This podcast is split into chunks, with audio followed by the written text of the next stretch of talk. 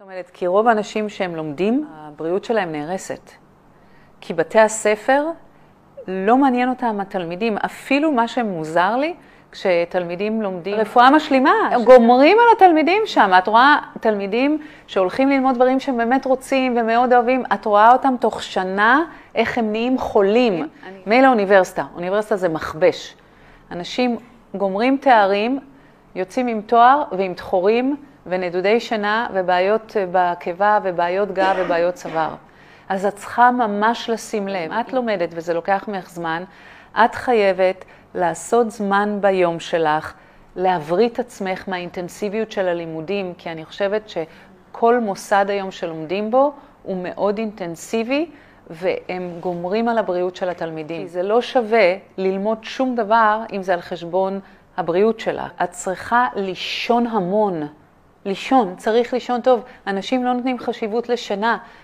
אם לא ישנים טוב, זה לא משנה כמה טוב תאכלי, זה לא משנה אם את עושה דברים שאת אוהבת, אם את לא ישנה, מבחינתי שינה באה לפני תזונה ולפני פעילות גופנית. ואנשים לא נותנים חשיבות לשינה. אני ממש רואה אנשים הרוסים מעייפות וצעירים.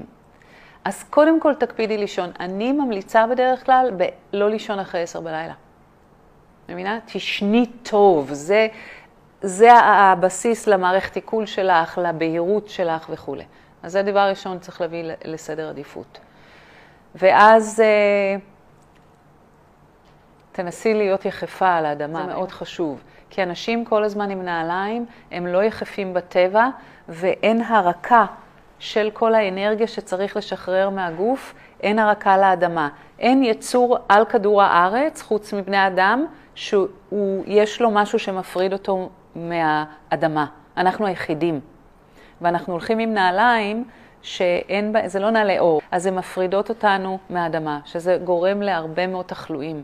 אני שואלת לפעמים אנשים, מתי לאחרונה היית יחף על אדמה? ואת רואה אנשים כזה, hmm, לא זוכרים. במקום להגיד לי היום בבוקר או אתמול אחרי הצהריים. אז חייבים להיות יחפים על האדמה. אז תזונה נכונה, שינה נכונה וזמן של להיות. אני מנהלת מרכז, מנהלת קורסים, מלמדת, ולי כל יום יש זמן להיות. זה בא על חשבון דברים. כמו שאמרתי לך, וואטסאפים, מיילים, עצבים של אנשים כי אני לא עונה להם. את חייבת שיהיה לך זמן. אם, אם את קמה בבוקר ואת כזה, יואו, לא היה לי רגע לנשום, ואנשים אומרים את זה כי זה נשמע נורא חשוב, שהם אנשים עסוקים, אלה אנשים לא בריאים. זמן להיות. אז תשבי, תפרסי לך את השבוע ותראי איפה את מפשטת דברים, גם אם זה בא על חשבון של להיות פחות חברתיים. אז שינה, אוכל טוב, תרגולים, חשוב שתעשי דברים שאת אוהבת, ו... וזמן להיות. ואף אחד לא יארגן לנו זמן להיות. אף אחד. זה רק אם אתם לוקחים חזקה על החיים שלכם. כי הסביבה לא תומכת. אנחנו חיים בתרבות של את צריכה לייצר כל הזמן. את מבינה? אם את עובדת, לא מעניין אותם הבריאות שלך, את צריכה לייצר. משפחה מורחבת, מצומצמת, דורשת תשומת לב בדרך כלל. חברים רוצים שתזרמי איתם עם הדברים שהם רוצים לעשות. בני זוג, אם יש לך ילדים, כולם דורשים. אם לא תמצאי לך את הספייס של להיות, החיים האלה עוברים מהר מאוד, ורוב האנשים מגיעים למוות שלהם מאוד עייפים. חשוב להגיע למוות לא עייפים. את יכולה להסתכל על אדם כשיש בו חיוניות, ואת יכולה לראות כשכבר אין פרנה, שנשארת בגוף פרנה רק הישרדותית. לקום בבוקר, ללכת לעבודה, ללכת לשירותים, לאכול. רוב האנשים נמצאים ברמה הזאת של פרנה. את לא תראי הרבה אנשים קמים בבוקר, טאק, העיניים שלהם בהירות, יש בהם את ההתרגשות לעבור את היום. אין כמעט אנשים כאלה, וזה בזבוז חיים. כי החיים עוברים ככה, ממש. אני לפני ממש זמן קצר הייתי בת 16.